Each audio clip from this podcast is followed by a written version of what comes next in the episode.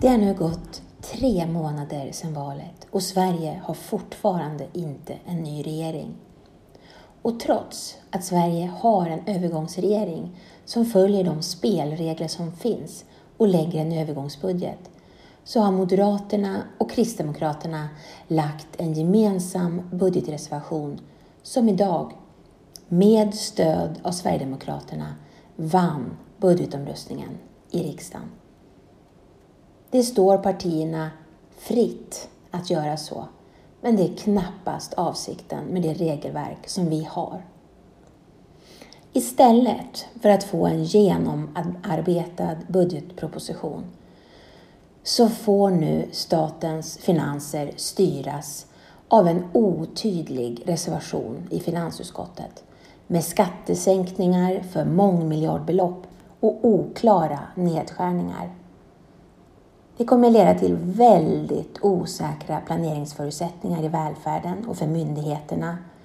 Och samtidigt som världens länder samlas i Polen för att stoppa klimatkrisen så innebär den högerkonservativa budgetreservationen nedskärningar på miljö och klimatområdet på över 2 miljarder.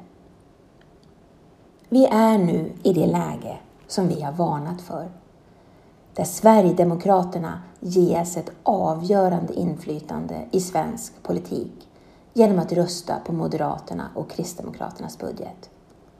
Nu är det upp till oss i de partier som i valrörelsen och återkommande under hösten lovat att inte bidra till att ge SD makt att stå fast vid sina löften. Vi socialdemokrater är redo att förhandla för att få till stånd en mittensamverkan och en handlingskraftig regering som står fri från högerextrema krafter. Vi gjorde därför betydande eftergifter i det förhandlingsresultat som blev klart i lördags natt. Men i måndags meddelade Centerpartiet att de säger nej. Det gjorde mig verkligen ledsen. Jag hade satt mitt hopp till att dödläget i svensk politik äntligen skulle vara till ända och att ett nytt samarbete skulle se dagens ljus. Nu finns det två alternativ. Antingen återupptar vi diskussionerna om en mittensamverkan. Eller så släpper riksdagen fram en högerregering som är beroende av Sverigedemokraterna.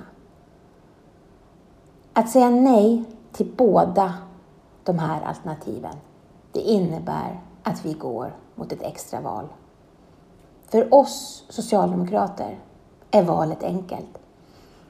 Vi vill fortsätta samtalen med Centerpartiet och Liberalerna och tillsammans forma en politik som tar ansvar för hela Sverige, för jobben, välfärden och klimatet. Det är jag säker på att vi klarar. Och om vi tycker att det är jobbigt, betänk vad alternativet innebär för Sverige.